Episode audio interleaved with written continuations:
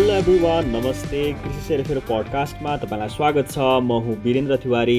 कृषि सेरेफेरमा रहेर मैले कृषिसँग सम्बन्धित विभिन्न विषयवस्तुमा छलफल कुराकानी गर्दै आएको छु।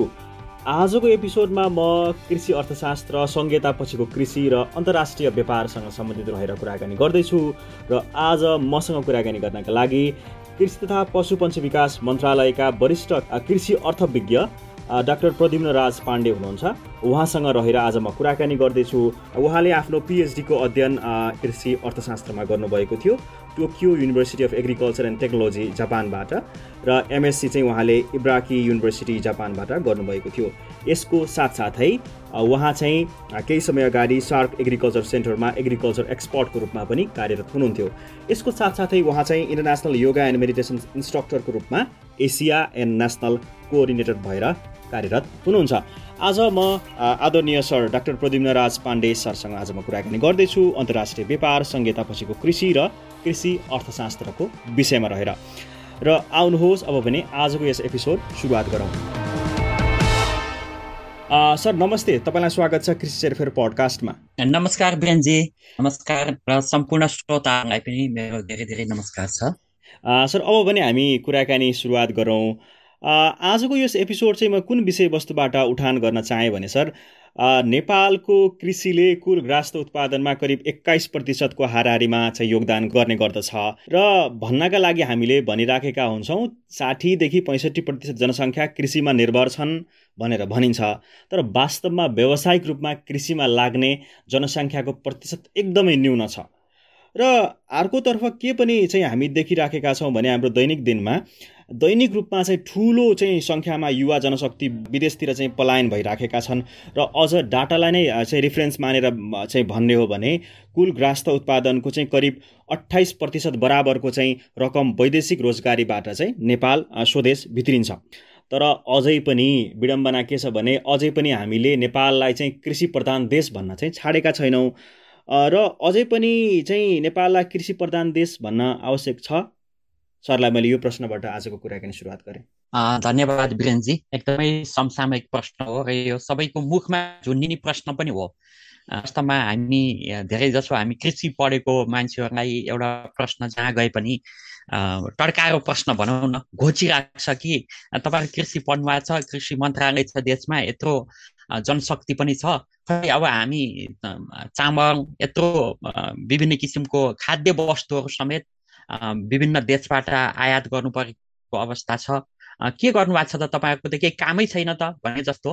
कहीँ कहीँ चाहिँ असाध्य साह्रै चित्त दुख्ने कुराहरू पनि आउँछ। क्वेसनहरू आउँछ। वास्तवमा के हो भने हाम्रो देश कृषि प्रधान नै हो। अझ भन्दाखेरिमा के रहेछ भने यो कृषि भनेको एग्री प्लस कल्चर होइन? एउटा संस्कृतिसँग जोडिएको छ कि कृषि? हामी कृषि एउटा आधुनिकरण मात्रै होइन कि कृषि हाम्रो थोपरिएको होइन कि हाम्रो एउटा संस्कारमै कृषि रहेको छ। र अर्कोतर्फ के छ भने एउटा राम्रो पक्ष पनि छ कि? हामी एउटा निर्वाहमुखी खेतीपाती भनौँ न तपाईँ हामी नै पनि हामी कृषि पढाएका छौँ विभिन्न ठाउँमा काम गरेका छौँ सरकारी गैर सरकारी संस्थामा बिजनेस गरेको छ। जसको पनि प्राय कुनै पनि व्यक्ति छैन होला कि जसको चाहिँ खेती किसानी नहोस्। र हाम्रो हामी नगरे पनि हामी नगरेको होला तर पनि हाम्रो वा हाम्रो पुस्ताको बुवा आमाहरू खेती किसान कृषिमै आधारित हुनुहुन्थ्यो कतिपय अहिले पनि हुनुहुन्छ होइन? त्यस अवस्थामा के छ भने हाम्रो कृषि प्रधान हो र कृषिबाटै कृषिको विकासबाट नै देशको उन्नति गर्ने हो। यो गत कोरोनामा हामी दुई तिन वर्ष जुन लकडाउनमा पर्यौँ त्यसमा पनि हाम्रो अर्थतन्त्र कैयौँ विकसित राष्ट्रहरू कैयौँ एकदम राम्रो अर्थतन्त्र भएको देशहरू पनि धराशय भयो अहिले भर्खरै हेर्नु न उसमा श्रीलङ्कामै अहिले कत्रो एउटा इकोनोमिक क्राइसिस भयो होइन? हाम्रो देश चाहिँ धानी राखेको छ। र त्यो कोरोनाको टाइममा पनि हाम्रो देश हान्यो। अरू टाइममा पनि हामी विभिन्न किसिमको वैदेशिक सहायताहरूको एकदम अप्ठ्यारो स्थिति हुँदा पनि नाकाबन्दीको टाइममा पनि त्यसको कारण के हो भने हामी कृषिमा बेस आधारित अर्थतन्त्र छ र हामी सबैको संस्कारमै एउटा संस्कृति नै कृषि हो। त्यसकारण कृषि प्रधान देश भन्न हामी हिचकिचाउने वा त्यसमा एकदमै सङ्कोच मान्नुपर्ने अवस्था म देख्दिनँ। तर के हो भने हामीले कृषिलाई समयानुकूल परिवर्तित गर्दै लग्नुपर्छ र अर्कोतर्फ म अलिकति ब्याकमा पनि जान्छु जस्तो तपाईँ हामी कृषि पढ्यौँ पढेको विषयमा पनि हाम्रो व्यावहारिक कृषि हुन सकेन कुरा हामीले मान्नै पर्छ जस्तो म करिब बिस वर्ष भयो बिस वर्षभन्दा बढी भयो मैले कृषि पढेँ र कृषि पढ्दाखेरिमा जुन हामीले पढियो पढे पढ्दाखेरिमा हामी इन्सेक्टिसाइड पेस्टिसाइडहरूकोदेखि लिएर फर्टिलाइजरको अर्ग्यानिक एग्रिकल्चरको यो इन्टिग्रेटेड पेस्ट म्यानेजमेन्टको कुराहरू त्यति हाम्रो कोर्समा समावेश भएको थिएन जब हामी पढेर बाहिर आइसकेपछि यो अर्ग्यानिक एग्रिकल्चरको भयो इन्टिग्रेटेड पेस्ट म्यानेजमेन्टको प्रोजेक्टहरू आउनु थाल्यो के छ त त्यसमा भनेर हामीले हेर्दाखेरिमा त उही हाम्रो जुन गाउँघरमा जुन किसिमको इन्टिग्रेटेड पेस्ट म्यानेजमेन्ट हाम्रो आमाहरू म बच्चा हुँदा पनि खास गरी मेरो आमासँग म चाहिँ खेतबारीमा जान्थेँ। उहाँले यो अन्नहरू थन्क्याउनुहुन्थ्यो। त्यतिखेर पनि हामी घुन नपरोस् भनेर होइन विभिन्न किसिमको टिमुरहरू यस्तो राख्ने गरिन्थ्यो। कतिपय जस्तो आमाहरूले खेत खेतबारीमा पनि तितेपातीहरू असोहरू यस्ता कुराहरू युज गरेको प्रयोग गरेको गहुँतहरू होइन? ती कुराहरू त तिनै कुरा रहेछ नि। तर हामीले हाम्रो पढाइ हाम्रो जुन हाम्रो धरातल अनुसार हामीले पढ्न पाएनौँ। अझै पनि मैले कमी नै देख्छु। म अस्ति भर्खर पनि एउटा मिटिङमा गएको थिएँ। विभिन्न युनिभर्सिटीसँगको इन्ट्रेक्सन भएको थियो। त्यतिखेर पनि के देखियो त भन्दाखेरिमा हाम्रा युनिभर्सिटीहरूका पढाइमा पनि भेरिएसन छ कोर्समा पनि भेरिएसन छ। र ती कोर्सहरू अझै पनि हाम्रो हामी आफै बिल्ड गरेका छैनौँ कि हामी आफैले बनाएका छैनौँ कि। हाम्रो धरातल हाम्रो आवश्यकता के हो? त्यसअनुसार हामीले नबनाएपछि हामी कसरी त्यसअनुसार त्यो कृषि प्राविधिकहरू कसरी त्यो उत्पादन हुन सक्यो त? हामी खाने जागिर खाने मान्छे उत्पादन गऱ्यौँ कि। म थोरै समय म एउटा एकदम इन्ट्रेस्टिङ कुरा छ। हाम्रो समयमा हामी एग्रिकल्चर पढाएको थियौँ बिएससिएसी अर्कोतिर बिएससी एन्ड भेटनरी साइन्सेस भनेर पढाइरहेको थियो। त्यो पढाइ भर्खर नयाँ पनि भइरहेको थियो होइन? अनि त्यसपछि अन्त्यमा के भयो भने उहाँहरू पाँच वर्ष हामी पनि पाँच वर्षपछि बिएससिएजीको पाँच वर्ष बिएससिएजी थियो पाँच वर्षपछि हामी सर्टिफिकेट पायौँ। हामी फेरि जागिर खाने धुनमै हामी आयौँ कतिपय कतिपय बिजनेसमा गयौँ। अनि उहाँहरू चाहिँ आएर मन्त्रालयमा कन्सल्ट गर्दाखेरिमा ए तपाईँहरूलाई त यस्तो यो विषय त हामीलाई खासै आवश्यकता छैन।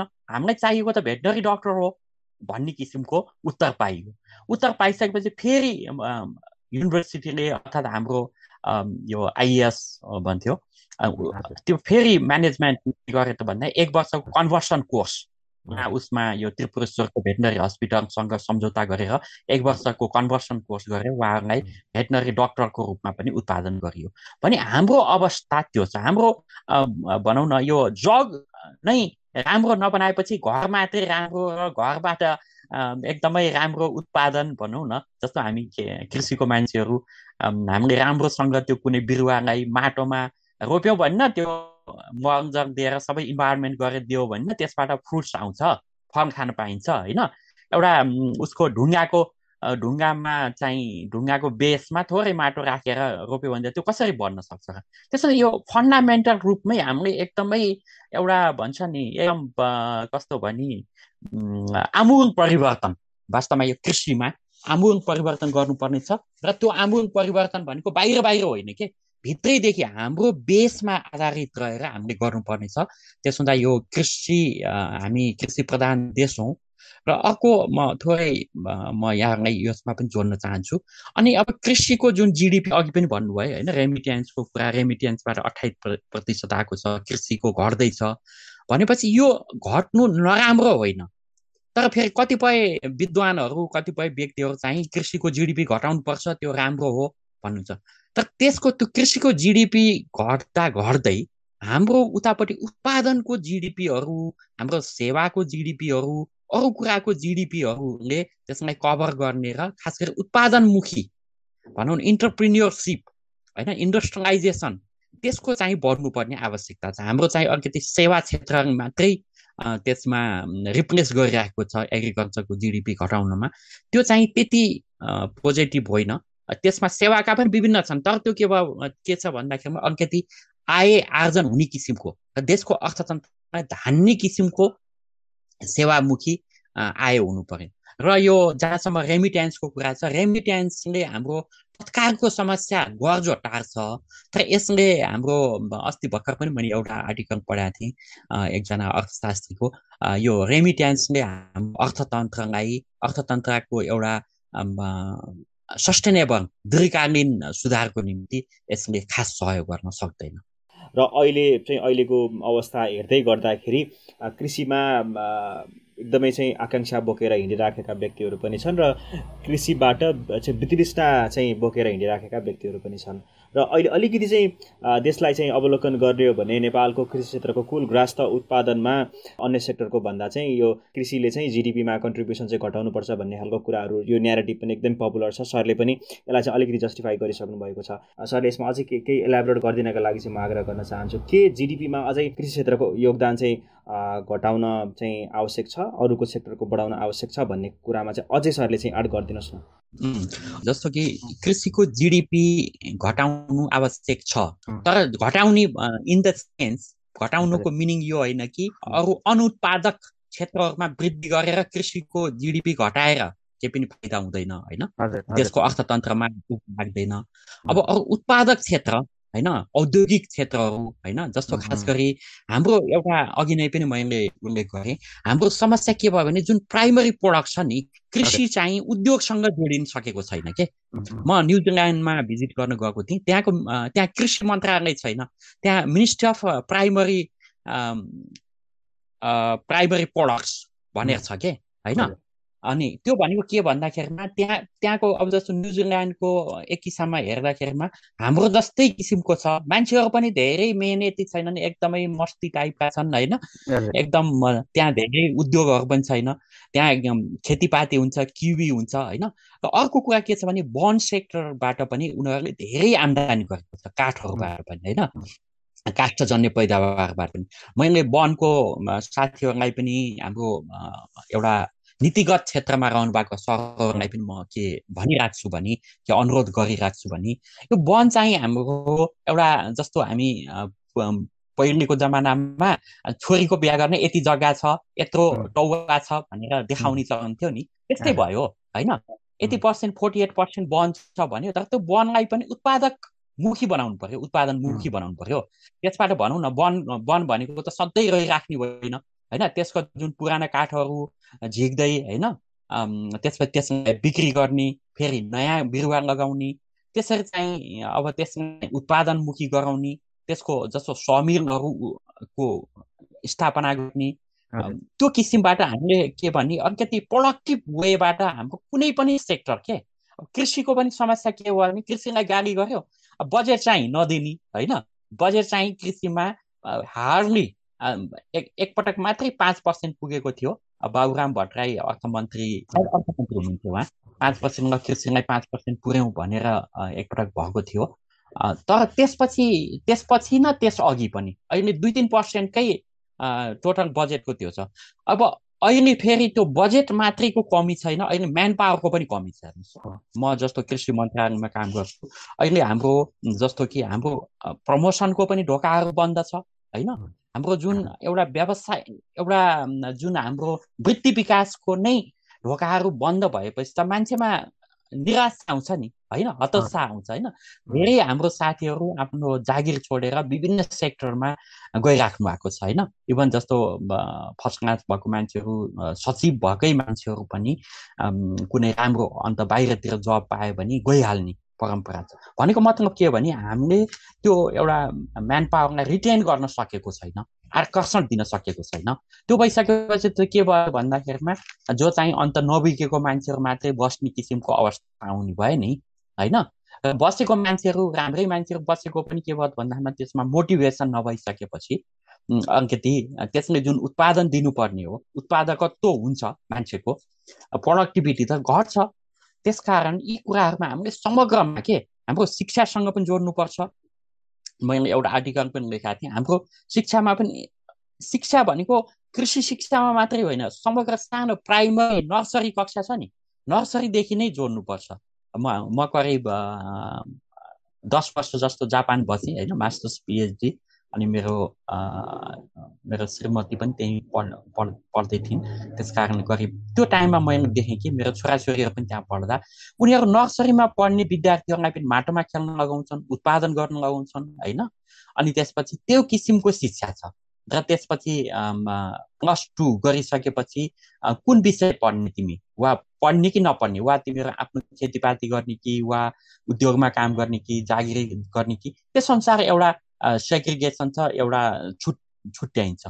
छुट्याइसकेपछि ऊ यदि पढेन भने पनि उसको टेक् टेक्नोलोजी राम्रो किसिमबाट उसले एप्लाई गर्न सक्छ कृषिमै पनि ऊ उद्योगी बन्न सक्छ। यसरी चाहिँ हाम्रो प्रोडक्ट्सलाई प्राइमरी प्रोडक्ट्सलाई उसमा उद्योगसँग प्राइमरी उद्योगहरू होइन साना उद्योगहरू स्थापना हुनु पऱ्यो ताकि उत्पादन भएको बजार पनि जाओस् फेरि प्रोसेसिङमा पनि जाओस् त्यसको फुड डाइभर्सिफिकेसन पनि होस् यो बृहत किसिमबाट र शिक्षामा पनि के त भन्दा काम गर्ने। अब हाम्रो हेर्नुहोस् गाउँघरतिरै पनि हेर्नुहोस् न टाइर लगाएर बोर्डिङ स्कुलहरू खुलेका छन् टाइर लगाएर बोर्डिङमा जान्छन् ती केटाकेटी पनि माटो छुँदैन। माटो छुने कृषि गर्ने भनेको के भयो भने यो त एकदम हेयाको होइन दृष्टिकोणबाट हेरिन्छ।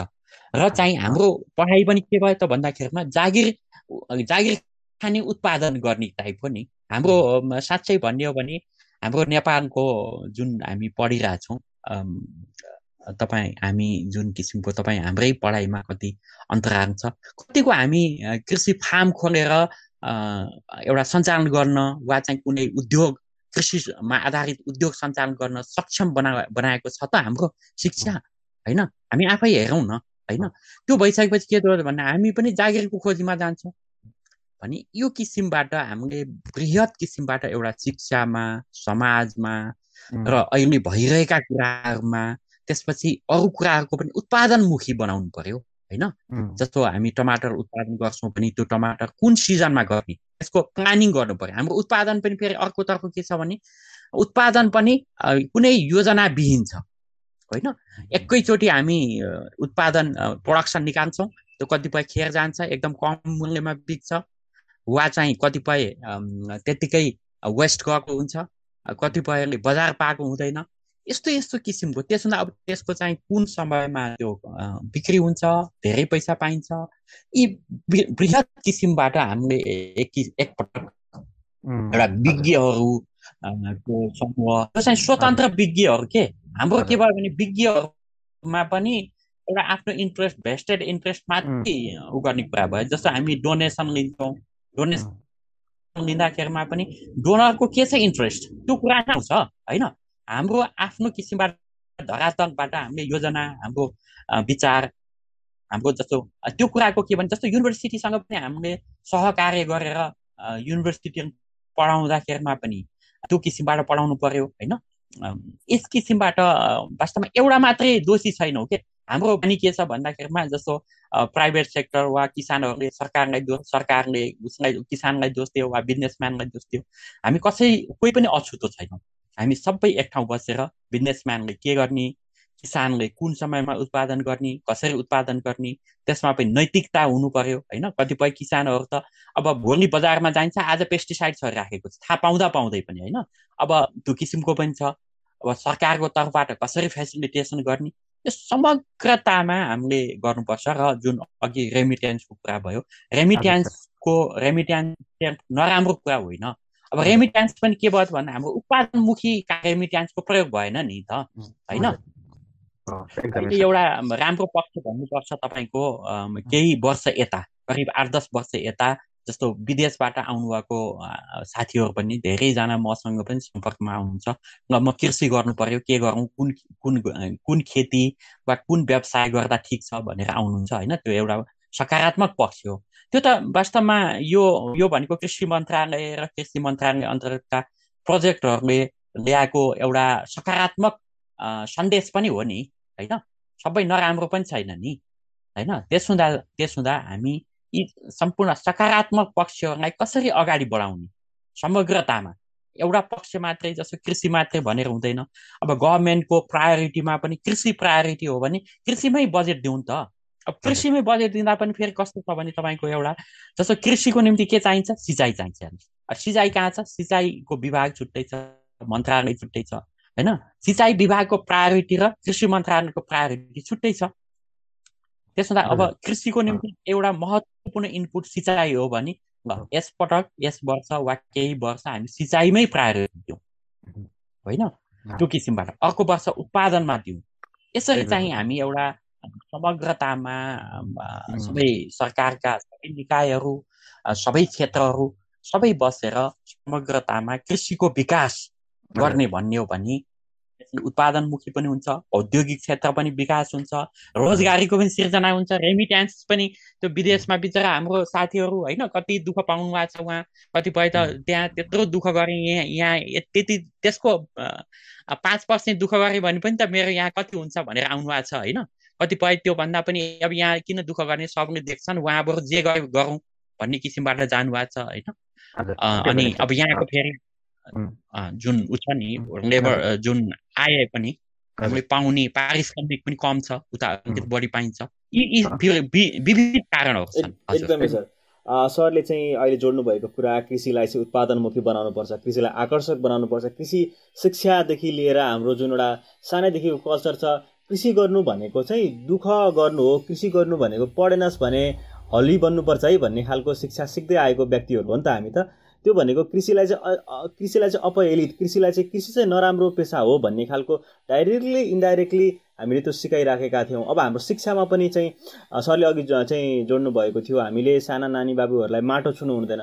माटो छुने शिक्षा सिकाउनु पर्यो। माटोले नै हामीलाई बचाएको कृषिले नै हामीलाई बचाएको भन्ने खालको शिक्षा साना कुराहरूले चाहिँ एकदमै ठुलो इम्प्याक्ट पार्छन्।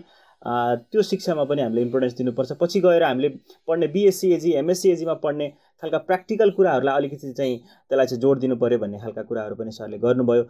एकदमै चाहिँ सरले आफ्ना कुराहरू राखिसक्नु भएको छ र म अलिकति थोरै अहिले हामीले उठाएको विषयवस्तुभन्दा थोरै चाहिँ पर गएर म कुराकानी गर्न चाहन्छु। नेपालमा चाहिँ अहिले हामी सङ्घीयतामा छौँ। सङ्घीयता पछिको कृषि विकासलाई पनि चाहिँ विभिन्न तरिकाले विभिन्न चाहिँ कोणबाट यसलाई चाहिँ एनालाइसिस गर्ने गरिन्छ।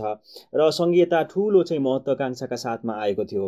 र सङ्घीयता पछिको कृषि क्षेत्रको विकासलाई चाहिँ सरले कसरी हेर्नुभएको छ? सङ्घीयताले कृषि क्षेत्रको विकासलाई चाहिँ कतिको टेवा पुऱ्याएको छ? होइन त्यतिखेर हामीले चाहिँ सुनिराखेका हुन्थ्यौँ। एउटा नेपालको जग्गालाई चाहिँ यो चक्लाबन्दी गर्नुपर्छ भन्ने खालका नेरेटिभ्सहरू एकदमै पपुलर थियो अहिले चाहिँ त्यो बिस्तारै सेलाउँदै पनि गएको छ।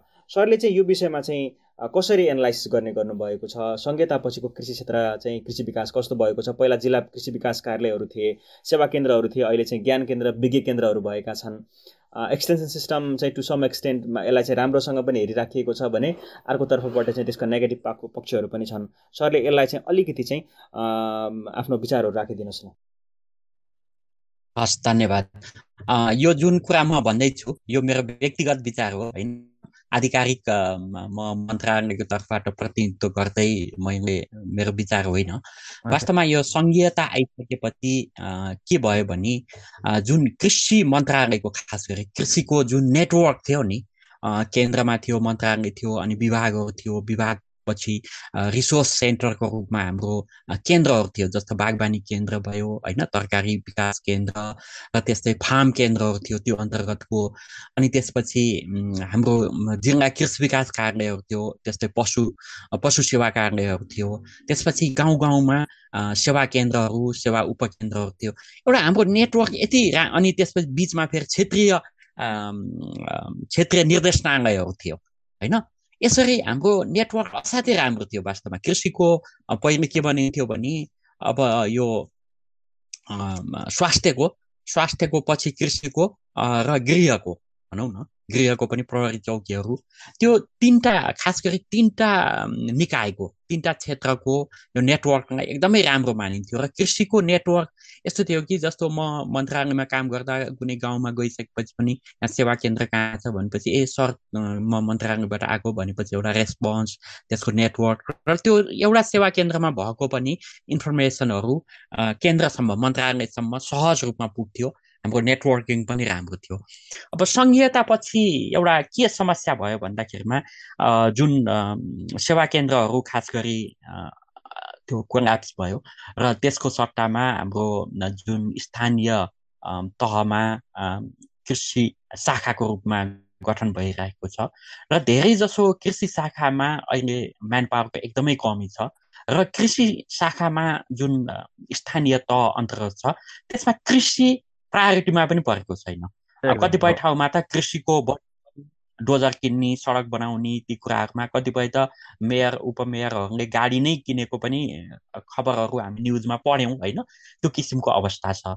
भने अर्कोतर्फ चाहिँ म्यान पावर नहुने म्यान पावरहरू त्यहाँ जान पनि त्यति नखोज्ने अवस्थाको कारणबाट जुन गाउँमा पहिले जुन सेवा पाएको थियो त्यसमा ज्यादै कमी आएको छ। अर्कोतर्फ के भयो त भन्दामा जुन नेटवर्किङ थियो नि फरवार्ड ब्याकवार्ड फरवार्ड लिङ्केजेस थियो होइन? जस्तो त्यतिखेर के थियो भन्दामा जिल्ला कृषि विकास कार्यालय भनेको पनि त्यहाँ प्राविधिकहरूको एउटा टिम बस्थ्यो। जस्तो कोही प्लान्ट प्रोटेक्सनको कोही हर्टिकल्चरिस्ट कोही यो जस्तो म आफै नै पनि योजना अधिकृत भएर बसेँ होइन?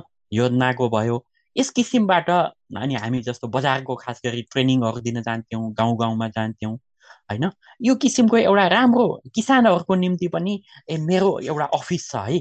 कतिपय किसानहरू एउटा प्रेम कुरो भयो के? माया भनौँ न त्यो हुन्छ नि जस्तो हामी बाबुआमासँग झगडा गर्छौँ गरेर जस्तो कोही कोही चाहिँ किसानहरू रोग लाग्यो भने त्यो उनै मैले देखेको छु काभ्रेमा म जाँदाखेरिमा एकजना किसान त्यो धान नै च्यातेर लिएर रिसाउँदै जिल्ला कृषि विकास कार्यालयमा आउनुभयो त्यहाँ साथीहरूले सबै थामथुम परे यस्तो भयो मेरो यसरी दिनदिनै बढिरहेको भने अनि अब त्यहाँ समाधान नभएको त्यसको चाहिँ हाम्रो उसमा विभाग अन्तर्गतको रिसोर्स सेन्टरहरू थियो बागवानी केन्द्रमा हर्टिकल्चर सम्बन्धी त्यहाँ फेरि अझै विज्ञहरू हुन्थ्यो होइन उनीहरूले चाहिँ टेक्निकल चाहिँ त्यस्तै ल्याबोरेटरी यता नागतिर प्रयोगशाला यो किसिमको एउटा राम्रो नेटवर्क थियो अब यो संहितामा भइसकेपछि अब प्रदेशको जुन मन्त्रालय छ कृषि त्योसँग केन्द्रीय सङ्घीय कृषि मन्त्रालयको कनेक्सन ज्यादै फितरलो छ। पनि यो कृषि मन्त्रालय चाहिँ आफै नै पहल गरेर केही न केही मेकानिजमहरू बनाइराखेको छ। टाइम टाइममा सचिव स्तरीय मन्त्री स्तरीय बैठक बस्ने त्यसको मेकानिजम गर्ने डेटाहरू सेयरिङ गर्ने प्रयास भइरहेको छ। तर त्यो त्यति धेरै इफेक्टिभ चाहिँ भएको छैन। अब सङ्घीय मन्त्रालय र प्रदेश मन्त्रालय बिचको जुन कोअर्डिनेसन इभन हामी प्रदेश मन्त्रालयहरूमै जाँदा पनि त्यो कि जुन किसिमको पहिलेको जुन हार्दिकता थियो जुन थियो त्यसमा कता कता कमी भइरहेको। अर्कोतर्फ अब स्थानीय तहमा त अझै कमी। फेरि स्थानीय तह कसको अन्तर्गत हुने? न त प्रदेशको अन्तर्गत छ न सङ्घको अन्तर्गत छ होइन? अनि उहाँहरूलाई चाहिँ टेक्नोलोजी टेक्निकल नोहाउ कसले दिने? यी विविध किसिमको समस्या छ। यसमा केही अब सुरुको संहिताको वर्षहरू भन्दा त इम्प्रुभ केही हुने प्रयास छ। तर अझै पनि त्यति भएको छैन। र मेरो विचारमा मेरो एउटा स्वतन्त्र विचारमा त जुन संहिताभन्दा अगाडि जुन कृषिको एउटा नेटवर्किङ थियो एउटा इम्प्रुभ भइरहेको थियो होइन? विभिन्न जोनहरूको कुरा गर्नुभयो अहिले जस्तो प्रधानमन्त्री कृषि आधुनिकरण परियोजना मार्फत त्यो किसिमको प्रयासहरू भइरहेछ होइन? त्यो चाहिँ सङ्घ अन्तर्गत परेको भएर अब ज्ञान केन्द्रहरूबाट पनि प्रदेश अन्तर्गत छ उहाँहरूले पनि प्रयास गर्नुभएको छ। विभिन्न कामहरू भइराखेको छ।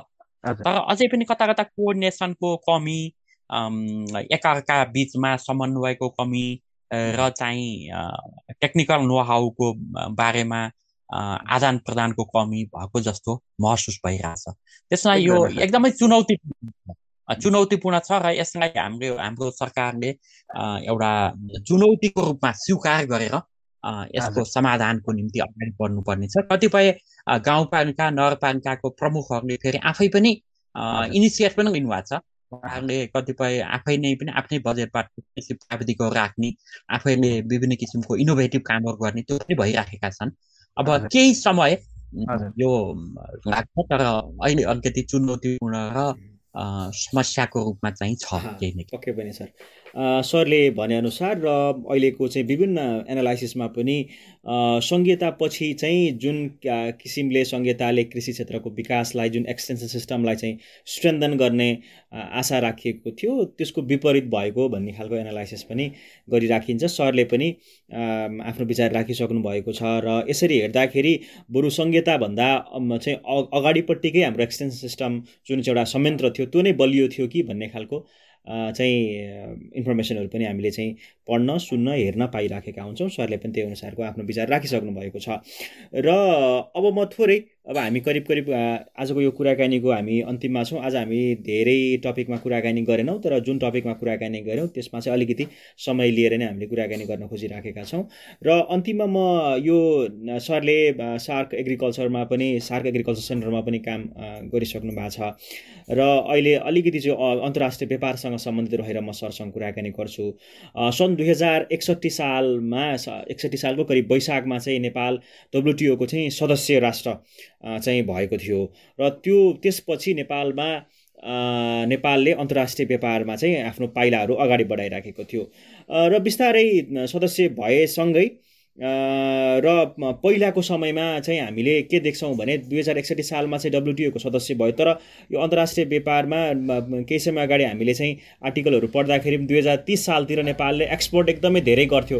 नेपालले चाहिँ चाहिँ निर्यात गर्थ्यो भन्ने खालका हामीले चाहिँ आर्टिकलहरू पढ्न पाउँछौँ। र बिस्तारै अहिले आउँदाखेरि हामी एकदमै चाहिँ आयातमुखी भइराखेका छौँ। ठुलो ने चाहिँ सङ्ख्यामा हामीले इम्पोर्ट गर्छौँ। हामीले सामान्यदेखि लिएर हामी दिनानुदिन चाहिने चाहिँ सामग्रीहरू हाम्रो कृषिका चाहिँ खाद्य वस्तुका सामग्रीहरूदेखि लिएर विभिन्न सामग्रीहरू हामीले इम्पोर्ट गरिराखेका छौँ र यो ट्रेड डिफिसिट एकदमै ठुलो यो दुइटो ग्याप चाहिँ एकदमै ठुलो भइराखेको छ। र यसरी चाहिँ आयातमुखी अवस्थालाई चाहिँ नियन्त्रण गर्न सरले चाहिँ के गर्नुपर्छ र हामीले जुन तरिकाले हामीले एकदम इम्पोर्टमुखी भइराखेका छौँ यो जुन यो ग्राफ बढिराखेको छ इम्पोर्टको यो सामान्य हो अथवा चाहिँ यो असामान्य हो यसलाई चाहिँ कन्ट्रोल गर्न चाहिँ के गर्नुपर्छ भन्ने जस्तो सरको यसमा चाहिँ के छ विचार सर? हजुर धन्यवाद छ। यो अघि कृषि प्रसारको कुरामा थोरै जोड्न चाहन्छु। अघि त्यहाँ जुन अहिले जुन कृषि प्रसारको निर्देशिका जुन पुरानो निर्देशिकालाई नयाँ परिमार्जन गरेर सङ्घीयता अनुरूप परिमार्जन गर्ने क्रम पनि अगाडि बढिरहेछ। त्यो खालको मैले इन्फर्मेसन दिन चाहेँ र अब जुन यहाँ यहाँले प्रश्न सोध्नुभयो दुई हजार एकसट्ठीमा हामी डब्लुटिओको मेम्बर बन्यौँ। त्यसभन्दा अगाडि हामी एक्सपोर्ट गर्थ्यौँ भने अहिले इम्पोर्ट गर्नुपर्ने अवस्था छ। हामी मेम्बरै त्यतिखेर त एकपटक के पनि भएको थियो भने डब्लुटिओको मेम्बर बन्ने कि नबन्ने बन्नु ठिक छ कि छैन? भने पनि त्यो टाइममा एक किसिमको विवाद भनौँ न बहस भनौँ विवाद भन्दा पनि बहस भएको मैले थाहा पाएको थिएँ।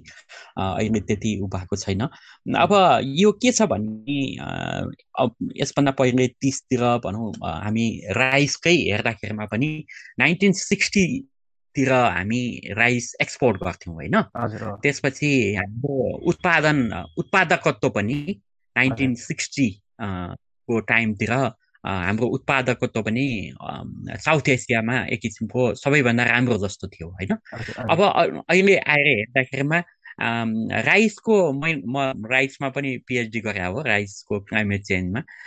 मैले के देखेँ भने देख त्यो एनालाइसिस गर्दाखेरिमा हामी झन्डै झन्डै उत्पादकत्व भनौँ न प्रोडक्टिभिटीमा हामी विश्वमा असाध्यै कम कम उत्पादकत्व हुने देशमा पर्छौँ कि? झन्डै एक किसिममा भन्दा साह्रै कमैमा पर्छौँ होइन? मैले त्यसो हुँदा मेरो प्रोफेसरले म पिएचडी गर्दा गर्दा पनि उहाँले मलाई त्यही सजेस्ट गर्नुभएको थियो कि तिमी राइसमा राइसको क्लाइमेट चेन्जमा गर भनेर। भनी अब त्यो अवस्था छ। अब जुन एक्सपोर्टको डब्लुटिओको अब त्यो विवाद त्यो बहस त अब छैन। डब्लुटिओको सदस्य हामी बन्यौँ। बनिसकेपछि पनि हाम्रो उतार चढावहरू आयो होइन। अब डब्लुटिओको सदस्य किन बन्नु पर्थ्यो? भन्दाखेरिमा त्यो भनेको के हो भने हामी विश्वसँग एक किसिमको विश्व रङ्गमञ्च भनौँ न विश्व मञ्चमा हाम्रो उपस्थिति जनाउनु हो कि? हामी कम्पिटिसनमा उत्रनु हो होइन? जस्तो कि तपाईँ नै कुनै गाउँबाट आयौँ गाउँबाट काठमाडौँ आएर काठमाडौँ पढ्दाखेरि म आफै नै पनि म स्याङ्जामा पढेँ स्कुलमा र चाहिँ म फेरि आठ कक्षामा यहाँ काठमाडौँ आइसकेपछि अब म स्याङ्जामा फर्स्ट सेकेन्ड हुन्थेँ भने यहाँ आइसकेपछि म त्यो एउटा फर्स्ट डिभिजन ल्याउन नै पनि निकै कठिनाइ होइन। एक किसिमको भनौँ न सङ्घर्ष कम्पिटिसन होइन? यहाँ त अब धेरै जानेको मान्छे कोही कुन बोर्डिङबाट पढेर आएको छ कोही कसको कहाँबाट आएको छ कसको ब्याकग्राउन्ड कोही काठमाडौँ काठमाडौँमै सानैदेखि यहाँको राम्रो स्कुलहरूमा पढेको छ। म गाउँबाट पढेर आएको भएँ होइन? तर के भयो त भन्दाखेरिमा म त्यो गाउँमै पढेको भए म फर्स्ट हुन्थ्यो होला सेकेन्ड हुन्थ्यो होला तर म फेरि पछि त म एउटा नेसनल इन्टरनेसनलमा कम्पिटिसन गर्दा त म त पछि नै हुन्थेँ नि होइन? त्यो त्यो कम्पिटिसनले मलाई चाहिँ धेरै कुरा सिकायो के?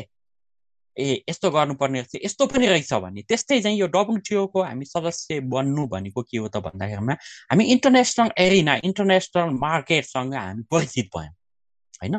त्यो इन्टरनेसनल मार्केटसँग परिचित भएपछि कहाँ उत्पादन हुन्छ कहाँ चाहिँ कस्तो उत्पादन गऱ्यो भने बिक्री हुन्छ कहाँ मार्केट छ के गर्दाखेरिमा हुने रहेछ हामी कसरी फाइदा लिन सक्छौँ भन्ने कुराहरू हाम्रो हामीले जान्यौँ।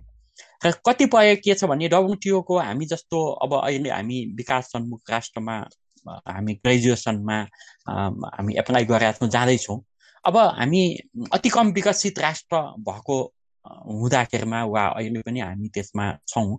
त्यसबाट पाउने फाइदाहरू पनि हामीले यथेष्ट मात्रामा अझै लिन सकेका छैनौँ। डब्लुटिओको त्यसमा प्रावधानहरू पनि छ होइन? कतिपय प्रोजेक्टहरूमा सपोर्ट छ। त्यस अन्तर्गत केही प्रोजेक्टहरूमा हामी जस्तो म आफै पनि म डब्लुटिओको एज अ प्रोग्राम पोइन्टको रूपमा कृषि मन्त्रालयमा काम गर्दा हामीले जिन्जरको चाहिँ अदुवाको प्रोसेसिङको एउटा प्लान्ट स्थापना गरेका थियौँ झापामा। त्यो चाहिँ अझै त्यति राम्रोसँग जति हुनुपर्ने त्यस अनुसार चाहिँ सञ्चालन हुन त्यति सकिराखेको छैन जस्तो लाग्छ। त्यही पनि ती कुराहरू ती प्रोजेक्ट प्रोजेक्टहरूदेखि लिएर यस्ता कामहरू चाहिँ हामी सहयोग लिन सक्छौँ। त्यस्तै ट्रेनिङहरूदेखि विभिन्न किसिमको हाम्रो सहयोगहरू पाउने सम्भावना। ती त्यसको अधिकतम उपयोग हामीले केही गऱ्यौँ तर त्यो अधिकतम उपयोग चाहिँ हामीले गर्न सकेनौँ। त्यस कारण यो के छ भने अब जस्तो हामी जुन निज प्रडक्ट्सहरू छ नि हाम्रो विशेष किसिमका उत्पादनहरू जस्तो अहिले जस्तो अलैँची भयो होइन? गाज कार्डमम भयो अदुवा भयो होइन? अब त्यस्तै हाम्रो चिया भयो। चियाको पनि अहिले राम्रो एक्सपोर्ट भइरहेछ। अब राज कार्डममको त हाम्रो सबभन्दा एग्रिकल्चर सेक्टरमा सबभन्दा राम्रो आय आर्जन गर्ने भइरहेछ होइन? अनि त्यस्तै अदुवाको पनि राम्रो किसिमको हाम्रो बजार छ र उत्पादन हुने ठाउँ पनि छ। चियाको भयो कफीको त्यत्तिकै डिमान्ड छ। गरी एक्सपोर्ट इम्पोर्टको ब्यालेन्स गर्न एउटा एउटा त हाम्रो के उत्पादन हुन्छ जुन कुरा हाम्रो अरू देशको भन्दा छुट्टै हुन्छ होइन? हाम्रो जस्तो कि अरू देशमा पनि उत्पादन हुने कुराहरू फेरि हामीले उत्पादन गर्न सुरु गऱ्यौँ भने त्यसमा हाम्रो केही विशेष हुनु पऱ्यो के? अनि विशेष कि त विशेष टेस्ट हुनु पर्यो कि चाहिँ विशेष किसिमको त्यसको साइज हुनु पर्यो वा चाहिँ विशेष किसिमको देखिने हुनु पर्यो। भयो भने मान्छेले किन्छ प्रिफर गर्छ। त्यो किसिमको उत्पादन हामीले गर्नु जरुरी छ होइन? जस्तो मैले अघि जस्तो हाम्रो एउटा चाहिँ NPIS Nepal trade integration strategy two thousand ten थियो। पछि टु थाउजन्ड सिक्सटिनमा रिभ्यू भएको छ। त्यो टु थाउजन्ड सिक्सटिनको जुन रिभ्यू भएको थियो त्यसको कमिटीमा म पनि थिएँ। अनि त्यसपछि महको भयो। हनी टु थाउजन्ड टेनकोमा थियो हनीमा अलिकति प्रब्लम आएर हनी चाहिँ अलिकति पछाडि गएको छ। त्यही पनि त्यो पनि पोटेन्सियल छ। यसरी हाम्रा जुन उत्पादनको निम्ति बाहिर बजारमा पनि डिमान्ड भएको बाहिरी देशमा पनि डिमान्ड भएको ती कुराहरूमा हामीले उत्पादनको उत्पादन बढाउनु पर्छ र चाहिँ क्वालिटी प्रडक्सन गर्नुपर्छ। जस्तो जुनारको हाम्रो सिन्दुरको जुनारको चाइना एक्सपोर्ट गर्ने भनेर हाम्रो एक किसिमको सम्झौता पनि भएको छ। तर थोरै त्यसमा टेक्निकल समस्या आएको छ। उहाँहरूले चाहिँ पेस्ट फ्री जोनबाट हामी किन्छौँ भन्नुभएको छ भने त्यो पेस्ट फ्री जोन पुरै गराउन हाम्रो निम्ति अलिकति चुनौती भएको छ। हाम्रो चाहिँ पेस्ट फ्री प्रडक्ट को चाहिँ तपाईँहरूले मान्यता दिनुहोस् त्यस त्यो चाहिँ एक्सेप्ट गर्नुहोस् भन्ने किसिमको कुरा भइराखेको छ। त्यो त्यो विषयमा कामहरू भइराखेको छ। यो किसिमबाट जस्तो उसमै चाइना तिब्बतमै पनि ठुलो मार्केट छ इन्डियामा ठुलो मार्केट छ होइन अरू देशमा पनि धेरै मार्केटहरू छ। त्यस कारण त्यसको आवश्यकता र त्यहाँको प्रिफर प्रिफरेन्स टेस्ट हेरेर हामीले उत्पादन गर्नुपर्ने र चाहिँ कुन समयमा अघि नै मैले कुरा गरेँ जस्तो नेपालकै कुरा गर्दाखेरिमा पनि हाम्रो योजना बनाएर उत्पादन गर्नु पर्यो कस्तो उत्पादन कुन साइजको होइन? हामी जस्तो ग्रेडिङ गरेर पठाउनु पर्यो। त्यस्तै अर्कोतर्फ चाहिँ गुड एग्रिकल्चर प्र्याक्टिसको कुराहरू भयो होइन? अर्ग्यानिक एग्रिकल्चरको कुराहरू भयो। यो किसिमका उत्पादहरू हामीले अगाडि बढाउन सक्छौँ। अब गुड एग्रिकल् एग्रि अब अर्ग्यानिक भन्दा पनि गुड एग्रिकल्चर प्र्याक्टिस चाहिँ वास्तवमा अलिकति व्यावहारिक जस्तो देखिन्छ। त्यसमा हाम्रो नेपालले गएको पनि म आफै पनि त्यसको फोकल पोइन्ट भएर काम गरेको थिएँ। म सार्कमा हुँदाखेरिमा पनि यो सार्क ग्याप भनेर हामीले प्रोजेक्टहरू जुन एफओले सपोर्ट गरेको थियो त्यसमा पनि हामी काम गऱ्यौँ। र यो जुन एक्सपोर्टको कुरा गर्दाखेरिमा त एउटा इन्ट्रेस्टिङ कुरा के छ भने हाम्रो साउथ एसिया बिचमा त्यति त्यो एक्सपोर्टको राम्रो सम्बन्ध। जम्मा पाँच पर्सेन्ट भन्दा पनि कम मात्रै हाम्रो साउथ एसियाभित्रमा व्यापारहरू भइरहेको छ। र त्यो फेरि कस्तो छ भने धेरै जसो चाहिँ अनाधिकृत व्यापारहरू भइराखेको छ।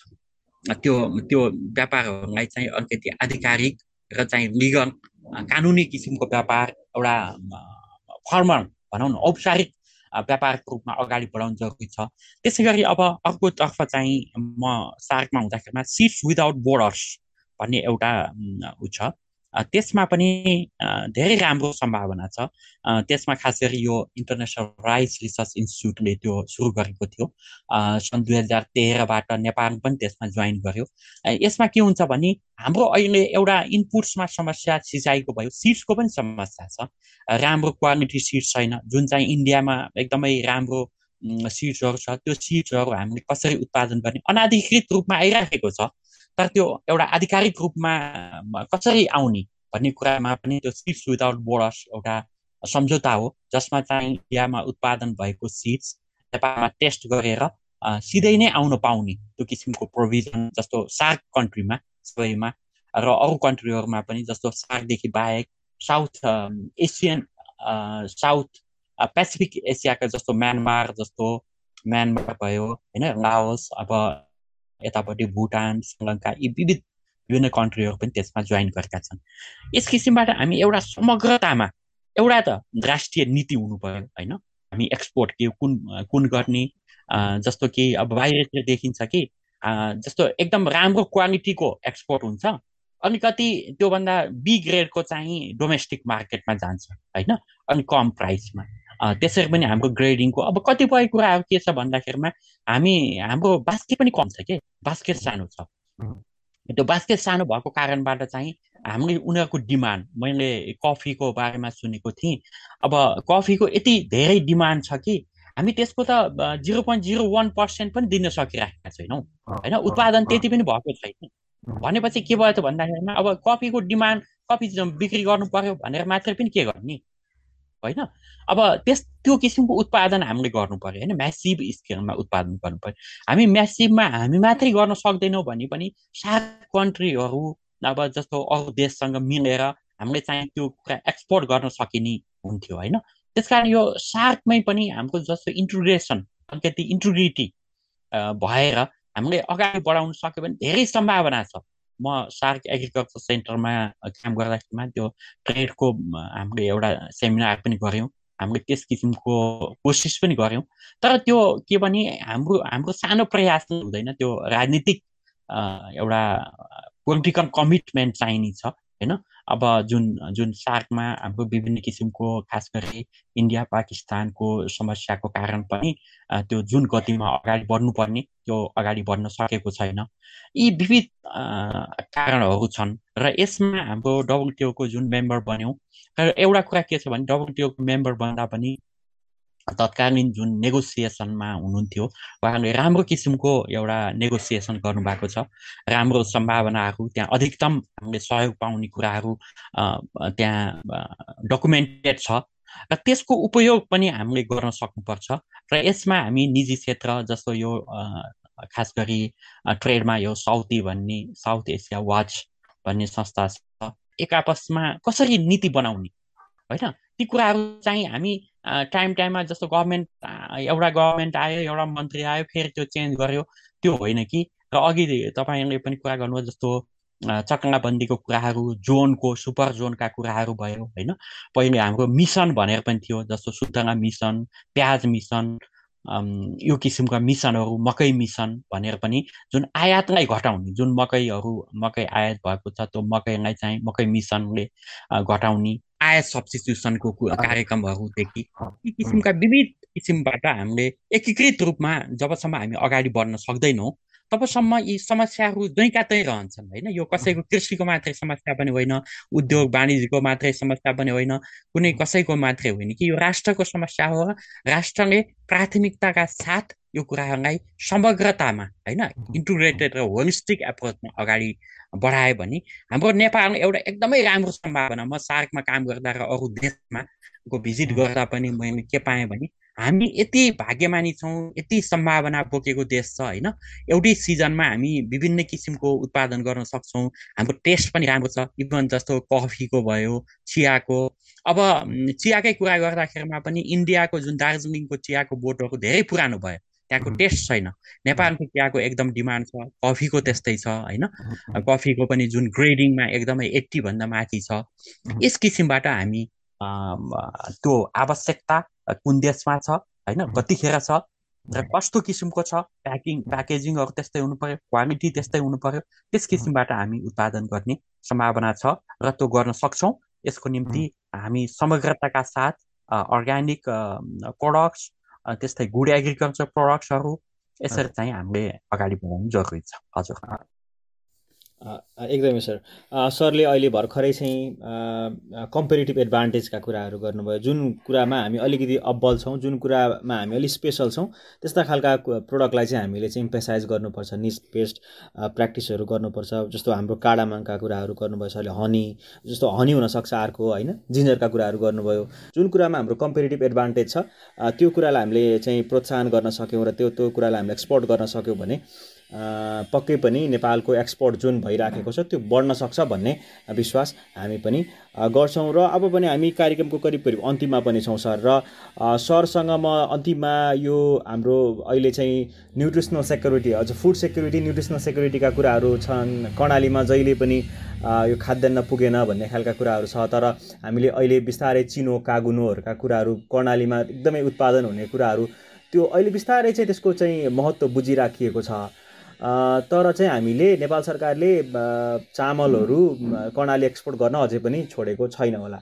कुहिएको चामलहरू अझ एक्सपोर्ट भएको भन्ने खालका समाचारहरू हामी पढ्न पाउँथ्यौँ। तर त्यही ठाउँमा एकदमै हाइली न्युट्रिसियस फुड जुन चाहिँ हामीले न्युट्रिसन सेक्युरिटीका कुराहरू गर्छौँ हामीले एसडिजीका कुराहरू गर्छौँ नो चाहिँ हङ्गरका कुराहरू गरिराखेका छौँ होइन? हामीले त्यसमा चाहिँ हामी एसडिजी हामीले चाहिँ हामीले पनि आबद्ध भएर त्यो एटेन्ड गर्न सक्छौँ भनेर हामी त्यो अनुसारले लागिराखेका छौँ। तर हाम्रो अलिकति हामीले किसानलाई चाहिँ त्यसको महत्त्व बुझाउन नसकेको हो कि भन्ने खालकाहरू पनि कुराहरू छन्। सरले चाहिँ यसमा के भन्नुहुन्छ? फुड सेक्युरिटी बनाउनका लागि र न्युट्रिसनल सेक्युरिटीका बारेमा हामीले चाहिँ हाम्रो किसानहरूलाई त्यही अनुसारले चाहिँ अलिकति सेन्सराइज गर्नका लागि चाहिँ के गर्नुपर्छ जस्तो लाग्छ सरले? यसमा पनि विचार राखिदिनुहोस् न।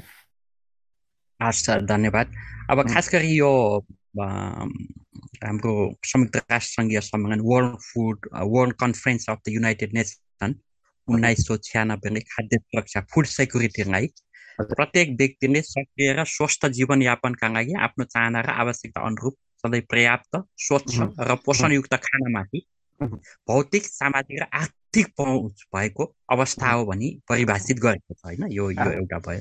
अब त्यसमा के छ भने खाद्यान्नको एउटा चाहिँ सर्वसुलभता हुनु पर्यो एभाइलेबिलिटी होइन? पहुँच हुनु पर्यो एफोर्डेबिलिटी। उपयोग हुनु पर्यो युटिलाइजेसन र स्थिरता स्टेबिलिटी हुनु पर्यो होइन? अब यसमा यो राष्ट्रिय योजना आएको पन्ध्रौँ योजनामा पनि के छ भने हाम्रो एक्काइस प्रतिशत जनसङ्ख्या चाहिँ अझै पनि पर्याप्त खाना पाएको छैन भन्ने देखिन्छ होइन? अब त्यसै गरी minimum food secure household अडचालिस पोइन्ट दुई प्रतिशत रहेको भन्ने छ होइन? अब यसमा जुन हाम्रो बाइस सय क्यालोरी शक्ति जुन प्रतिदिन आवश्यक छ त्यसमा अब वर्ल्ड ब्याङ्कको डाटा अनुसार पनि अठार सय मात्रै भन्दा कम चाहिँ नेपालमा प्राप्त भएको छ जसलाई चाहिँ सिभियर फुड डेफिसिट भनेर परिभाषित गरेको छ होइन? यसरी हेर्दाखेरिमा यो विश्व ब्याङ्कको व्याख्या अनुसार नेपालमा कुल जनसङ्ख्याको सात पोइन्ट आठ प्रतिशत जनसङ्ख्या गम्भीर खाद्य असुरक्षित अवस्थामा रहेको देखिन्छ। अब यसमा के छ भन्दाखेरिमा यो अघि पनि हामी कुरा आयो कि एउटा कुरा त यहाँले के जानकारी राखिराख्नुहोस् भने जुन गभर्मेन्टले चामलको कर्णाली क्षेत्रमा पठाएको छ होइन? पैठारी पठाएको छ वा आपूर्ति गरेको छ। त्यस त्यसमा अहिले के एउटा इम्प्रुभ भएको छ भने यहाँबाट चामल जान्छ तर त्यो आउँदाखेरिमा हेलिकप्टर फर्किँदाखेरिमा त्यहाँको उत्पादन पनि सँगसँगै लिएर आउँछ होइन? त्यो एउटा त्यो किसिमको जस्तो कि तपाईँले यो थापाथनमा खाद्य संस्थानको अहिले खाद्य तथा परिवहन कम्पनी भन्छ त्यसको उसमा त्यहाँ विभिन्न किसिमको जुम्लाको होइन? कर्णालीका उत्पादनहरू किन्न पाउने भनेर तपाईँ हामी देख्छौँ होइन? त्यस कारण अब यो के खास गरी के हुन्छ भने दुईवटा कुरा छ।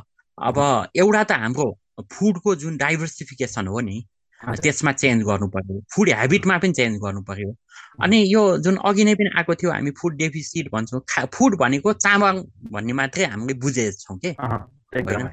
यो के भयो भन्दाखेरि पहिले पहिले के थियो भने जस्तो म म बच्चा सानो हुँदाखेरिमा म स्याङ्जामा जन्मेँ त्यतिखेर जस्तो कि चामल सबै घरमा चामल दिनदिनैको चामलको भात खाइँदैन थियो कि? होइन? त्यहाँको जस्तो मकै हुन्थ्यो त्यो विभिन्न किसिमको अब कोदोको रोटी खाने साँझ त्यो किसिमको सिस्टम थियो। अब यस्तै कर्णालीतिर पनि चामल खाने सधैँ हुन्थेन। अब अहिले के भयो भने प्रत्येक घरमा तपाईँ नेपाल अधिराज्यभरि नै होइन? प्रत्येक घरमा भात पाक्छ चामलको भात हुन्छ होइन? भनेपछि त त्यत्तिकै पनि के भयो त भन्दाखेरिमा अहिले मान्छेले पहिले खान्थेनन् वा चाहिँ जनसङ्ख्या पनि कम थियो। त्यस कारण चामलको आवश्यकता कम थियो।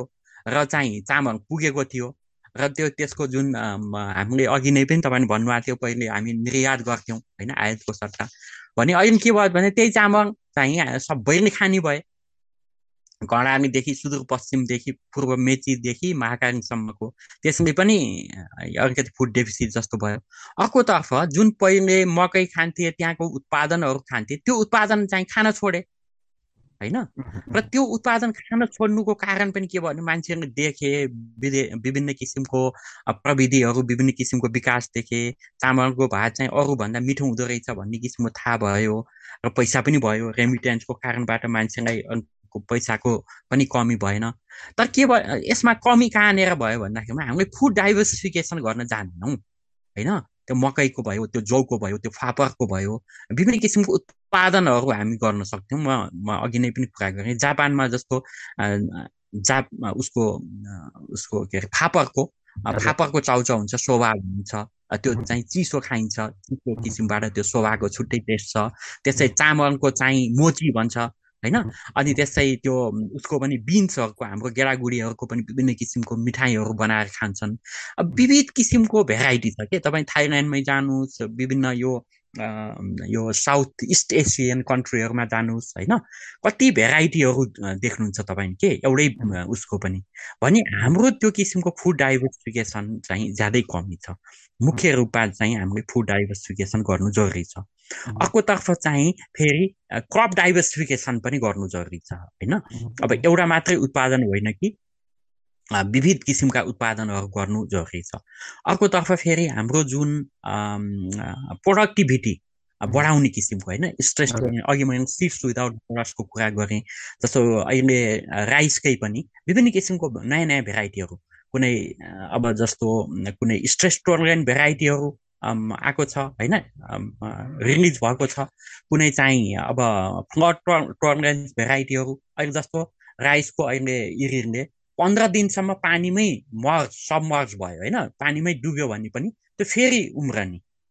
त्यो किसिमको धानको जातहरू पनि विकास भएको छ। अब रोग किराहरू को रेजिस्टेन्स भेराइटीहरू पनि डेभलप भएको छ। अनि यसरी चाहिँ हामीले प्रोडक्टिभिटी होइन? कतिपय कुराहरू यो जेनेटिक इन्जिनियरिङ वा विभिन्न किसिमको नयाँ नयाँ प्रविधिबाट ब्रिडिङको प्रविधिहरूबाट हाम्रो त्यही टेस्ट भनौँ न जेठो बुढो वा चाहिँ जुम्ली मार्क्सकै टेस्ट रहने गरी तर त्यसको उत्पादकत्व र उता कम छ नि। फेरि टाइम पनि त्यसको जेस्टेसन पिरियड पनि धेरै छ। त्यसलाई कम गर्ने किसिमको त्यो नयाँ नयाँ प्रविधिहरू हाम्रो बेसमा पनि तयार गर्नु जरुरी छ। होइन? त्यो किसिमको हामीलाई कमी देख्छौँ। र हाम्रो अघि नै पनि मैले के भन्यो भने हाम्रो बेसमा जे कुरा पनि के हाम्रो आधार के हो? हामी तपाईँ हाम्रो घरमा हामीले केही गर्नु पर्यो भने हाम्रो घरको आर्थिक अवस्था के छ? होइन? तपाईँ हाम्रो घरमा हामी गाडी किन्ने कि मोटरसाइकल किन्ने कि साइकल किन्ने त हाम्रो अवस्था हेरेर हामी निर्णय गर्छौँ नि होइन? त्यत्तिकै हामी प्राडो गाडी त किन्दैनौँ नि। हामी यदि त्यो गाडी सक्दैनौँ हामी धान तर हाम्रो के भयो त भन्दामा समग्र रूपमा हाम्रो देशको पनि हाम्रो परिवेश के छ हामी कस्तो किसिमको कृषि अपनाउने हाम्रो जनताको आवश्यकता के छ हामी एक्सपोर्ट कुन कुन कुरा गर्ने जस्तो पाकिस्तानमा हेर्नुहोस् पाकिस्तानमा त्यहाँ जनताहरूले त्यहाँको डोमेस्टिक कन्जप्सन चाहिँ मोटा धान गरेर मसुरी धानहरू एरोमेटिक राइसहरू एक्सपोर्ट गर्छन् होइन? त्यस्तो किसिमको पनि हाम्रो नीति हुनु पर्यो। अघि अघि चामलको कुरा आयो जस्तो अब हामी काठमाडौँमा बस्दाखेरिमा हामी देख्छौँ कि सबै प्याकेटको चामल किन्ने आयो होइन। मसिनो चामल किन्ने। हामी हाम्रै खेतबारीको चामल कुटाएर कति खान्छौँ हामी भन्नुहोस् त। अनि त त्यो के हुन्छ भने तपाईँ एउटा एउटा कुरा अर्को यो ट्रेड डेफिसिट हुनुमा म जस्तो बोर्डर एरियामा जाँदाखेरिमा देख्छु। बोर्डर एरियाको अधिकांश प्रोडक्सनहरू इन्डियातिर वा चाहिँ जताको पनि बोर्डर्सको भनौँ न यता माथिको जस्तो तिब्बततिर जान्छ भने तलतिरको इन्डियातिर जान्छ। त्यो चाहिँ अनाधिकृत रूपमा जान्छ हेर्नुहोस्। व्यापारीहरू आउँछन् कतिपय स्ट्यान्डिङ राइसमै स्ट्यान्डिङ प्रोडक्ट्समै म देख्छु जस्तो पाल्पामा काफङ। पाल्पा बराङ्दी भन्ने ठाउँमा काफङ फर्छ के? त्यो काफङ चाहिँ किन्न इन्डियाको व्यापारी पहिल्यै आउ आएको हुन्छ। होइन? त्यो काफरको बोटैसँग किने हुन्छन् होइन? त्यसै गरी स्ट्यान्डिङ राइस धान पाक्न पाएको छैन? धान पाक्न पाउँदा नपाउँदै व्यापारीहरू आएर त्यो पुरै खेत नै पैसा दिन्छन् होइन? एडभान्स दिन्छन्। अब यो किसिमका कुराहरूले पनि के भने त्यो त्यो जति पनि गएको छ जस्तो म अस्ति चाहिँ बाह्रमा गएको थिएँ त्यहाँ माछा हार्भेस्ट हुने टाइममा एकदमै धेरै मान्छे देखेँ। अनि कहाँबाट आएको भन्दा हामी मोतिहारीबाट इन्डियाबाट भन्ने। किन भन्दा यहाँको माछा एकदम टेस्ट टेस्टी छ। अब त्यो यहाँबाट गएको माछाको यहाँबाट गएको धानको यहाँबाट गएको फलफुलको त कुनै हिसाब किताब छैन। त्यो त अब इन्फ इन्फर्मल वेबाट गइरहेछ अनि हामी जुन आउँछ किन्छौँ त्यो किनेको चाहिँ फर्मल वेबाट हामी भन्सारतिर ल्याउँछौँ होइन? अनि त्यसपछि यति भयो हाम्रो चाहिँ खतम भयो भन्ने छ। वास्तवमा हेर्दाखेरिमा हाम्रो खास खास गरी तपाईँले फुड फुड प्रोडक्सन र तपाईँ त्यसको जुन ऊ छ नि हेर्नु हो भने हाम्रो खासै डेफिसिट हुने अवस्था छैन। झन्डै झन्डै हामी बोर्डरमा छौँ त्यस्तो धेरै सरप्लस पनि होइन। जस्तो जुन समयमा हाम्रो अलिकति बाढी पहिरो हुन्छ एकदमै सुक्खा हुन्छ त्यो टाइममा अलिकति डेफिसिट हुन्छ नभए भने सामान्य रेनफल भएको टाइममा हुँदैन होइन?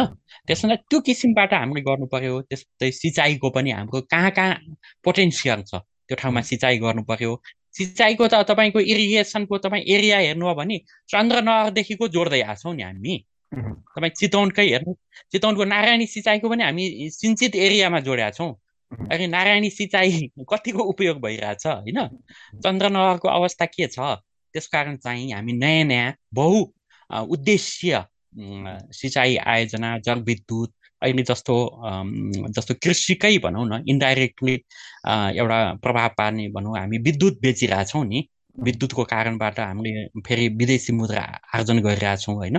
त्यस्तो किसिमको हामी हाम्रो के हो त पोटेन्सियालिटी त्यो किसिमबाट हामी अघि बढ्यौँ भने हाम्रो सम्भावना र खाद्य सुरक्षाको हिसाबमा पनि हाम्रो एकदमै राम्रो छ।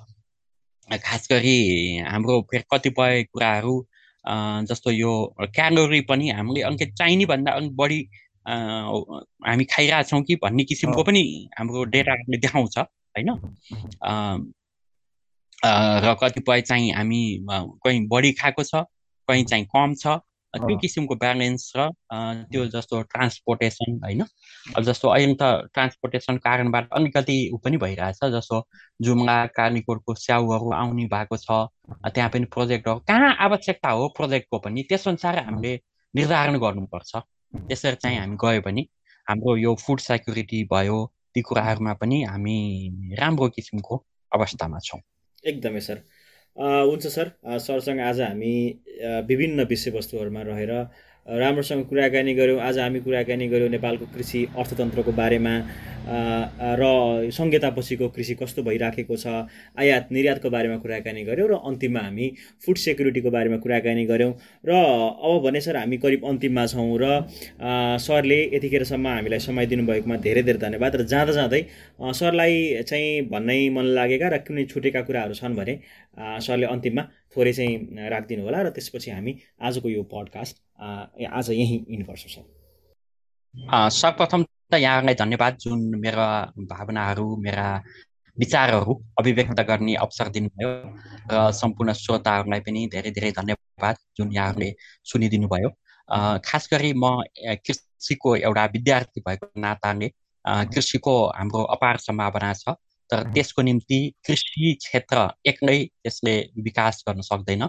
यसको निम्ति सम्पूर्ण राष्ट्रकै ध्यान आकृष्ट हुनुपर्छ र राष्ट्रका सम्पूर्ण अङ्गहरू एक आपसमा मिलेर एक आपसमा सहयोग गरेर हातेमालो गर्दै कृषिलाई टेवा दिने र कृषिको विकासको निम्ति राष्ट्रले प्रमुख प्राथमिकता राखेमा त्यो सम्भव छ र हाम्रो देश प्रचुर सम्भावना भएको र कृषिबाट नै हाम्रो आर्थिक विकासमा क्रान्तिकारी छगाङ मार्न सकिने सम्भावना भएको ठाउँ हो। त्यसकारण त्यस किसिमबाट हामी सबै राष्ट्र मात्रै होइन गैर सरकारी संस्थाहरू हाम्रो किसानहरू र अरू पनि राजनीतिकर्मीहरू सबैजनाको चाहिँ यसमा सहयोग भयो भने त्यसमा अगाडि बढ्न सकिन्छ। र यहाँ तपाईँलाई धेरै धेरै शुभकामना छ। हुन्छ हस् त सरलाई धेरै धेरै धन्यवाद। आज सरले यतिन्जेलसम्म हामीलाई समय दिनुभएकोमा सरलाई धेरै धेरै धन्यवाद। आज हामी विभिन्न विषयहरूमा रहेर कुराकानी गऱ्यौँ यतिन्जेलसम्म हामीलाई सुनिदिनु भएकोमा तपाईँ सबैजनालाई धन्यवाद दिँदै आजको यो कृषि सेरफेरो पडकास्टको आजको यो एपिसोडबाट भने हामी पनि बिदा हुन चाहन्छौँ। अवस्था नमस्ते।